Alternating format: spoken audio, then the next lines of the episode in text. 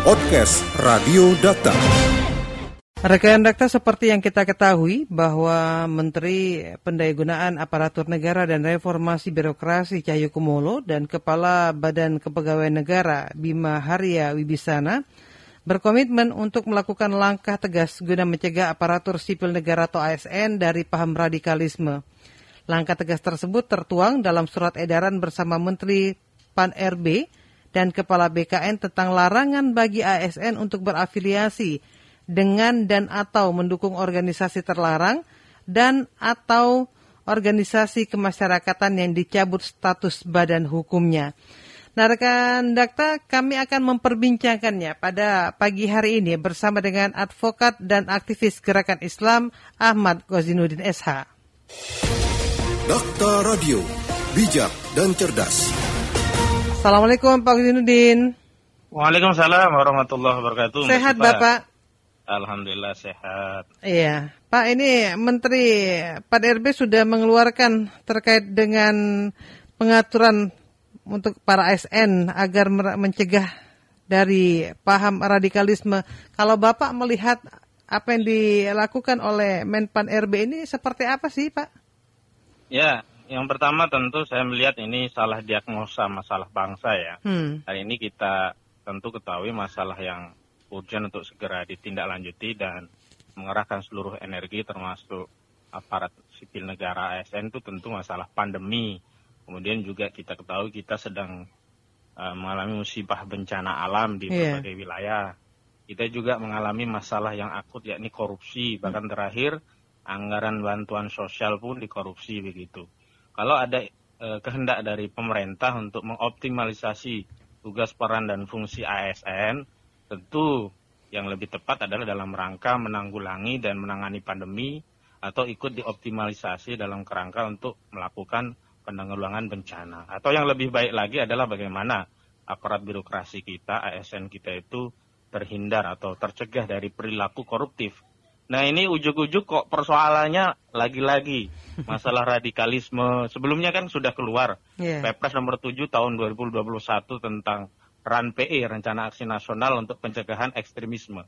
Dan ini sebenarnya bukan masalah bangsa kita, tidak urgent dan justru ini akan menimbulkan perpecahan di tengah masyarakat. Karena apa? Karena memang narasi-narasi ekstremisme, radikalisme, Radikalisme, itu nomenklaturnya tidak definitif.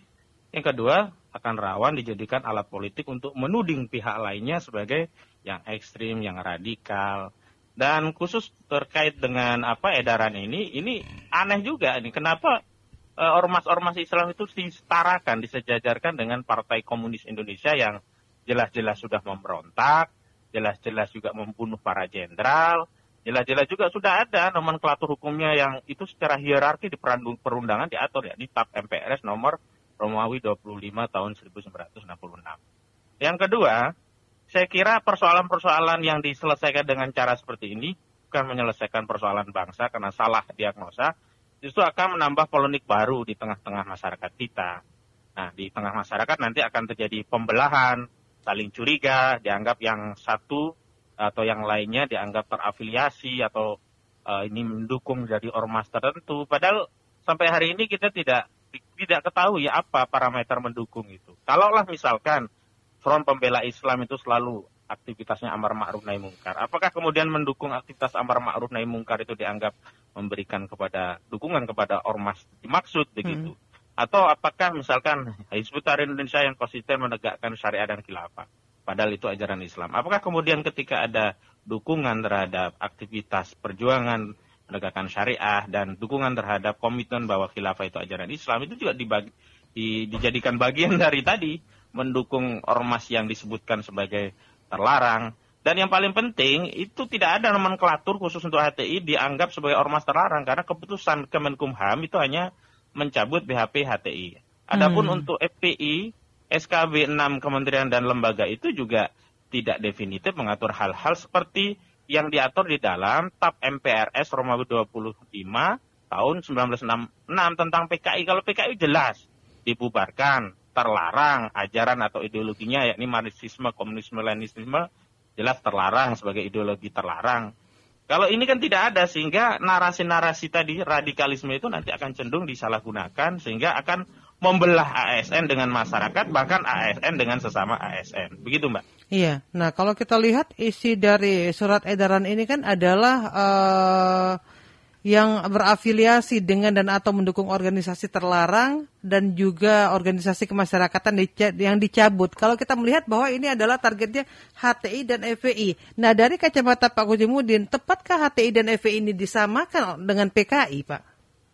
Ya itu tadi. Pertama masih bias atau bahasa saya itu obskur. Apa hmm. sih definisi parameter yang dimaksud dengan terafiliasi dengan ormas yang tadi dinyatakan terlarang dan atau dicabut, dicabut. BHP-nya badan hukumnya begitu. Yeah. Ini kemudian akan rawan dijadikan alat politik untuk membelah, untuk memaksa pihak lainnya untuk mendukung kebijakan pemerintah, terlepas pemerintahan itu pro rakyat atau zalim gitu.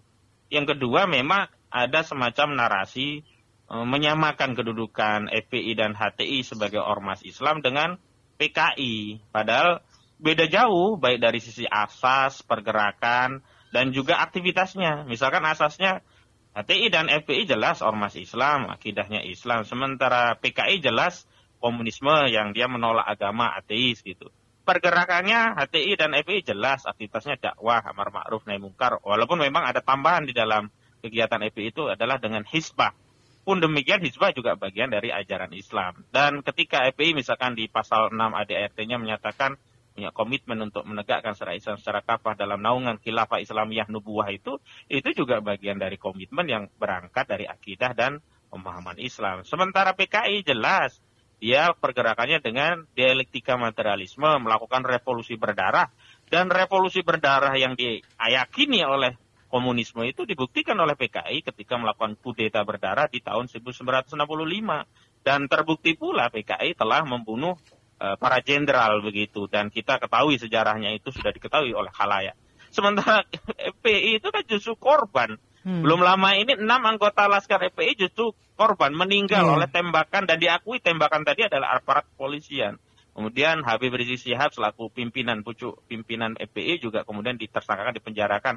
Bahkan terakhir juga rekening-rekening yang tadi dengan nomenklatur dianggap terafiliasi dengan FPI juga dipersoalkan sampai rekening Hilmi pun dibekukan.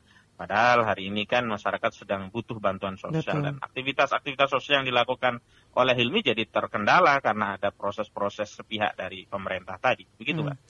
Pak Oksinuddin, apa yang Bapak lihat dari surat edaran-edaran semacam ini yang ditujukan oleh PNS? Sementara kalau kita bicara tentang FPI, bicara tentang HTI atau radikalisme, nampaknya jauh dari hal-hal demikian, Pak. Ya memang begini ya, uh, pasca pembelahan uh, Pilgub DKI Jakarta 2016 yang lalu hmm. ketika Ahok kalah gitu, yeah. memang ada semacam gerakan politik keumatan yang itu uh, berangkat dari gerakan-gerakan yang diusung oleh ormas atau tokoh-tokoh pergerakan. Nah ini menjadi rival politik pemerintah karena sebelumnya kan pemerintah hanya ada oposisi dari gerakan politik kepartaian. Nah, gerakan-gerakan politik kepartaian ini sebenarnya mudah untuk diredam dengan berbagai komitmen negosiasi. Di antaranya adalah dengan diberikan komitmen koalisi dengan sejumlah menteri. Ini terbukti. Misalkan Partai Gerindra sekarang sudah merapat, dapat jatah dua menteri, Prabowo dijadikan Menhan. Nah, praktis tidak ada lagi kritik-kritik perlawanan terhadap apa yang dilakukan pemerintah oleh gerakan partai politik. Nah, gerakan-gerakan keormasan, gerakan politik keumatan ini memang uh, di tengah-tengah masyarakat khususnya saat Ahok itu dipromotori oleh ormas-ormas dan tokoh pergerakan. Kalau ormas kita ketahui HTI, kalau tokoh pergerakan tentu saja Habib Rizik dan kemudian FPI juga bagian dari Habib Rizik Syihab dan pada awalnya kan HTI dahulu yang pertama kali kemudian dicabut BHP-nya dan kemudian ditindaklanjuti kepada Habib Rizik Syihab dan FPI. Dan saya yakin karena persoalannya bukan masalah objektivitas tentang ancaman radikalisme. Radikalisme itu hanyalah kedok saja, tapi yang paling utama adalah bagaimana upaya dari rezim ini untuk melindungi kekuasaannya. Saya kira uh, ormas Islam yang lainnya dan elemen uh, pergerakan yang lainnya juga akan menjadi target berikutnya dengan narasi yang sama atau menciptakan narasi baru.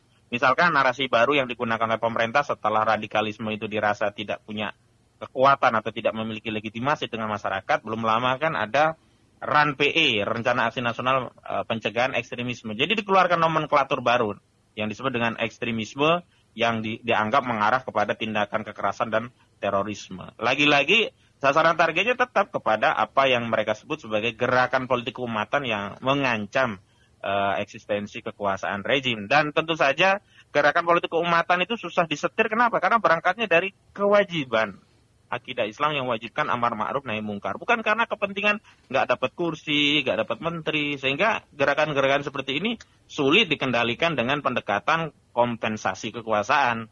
Maka harus dengan tindakan-tindakan represif. Saya kira di situ relevansi apa yang dilakukan pemerintah selama ini. Jadi persoalan utamanya bukan masalah radikal-radikalnya ya, tetapi hmm. terkait eksistensi kekuasaan pemerintah yang dianggap terancam jika ada aktivitas masyarakat yang diwakili ormas kritis terhadap kebijakan-kebijakan zalim dari pemerintah.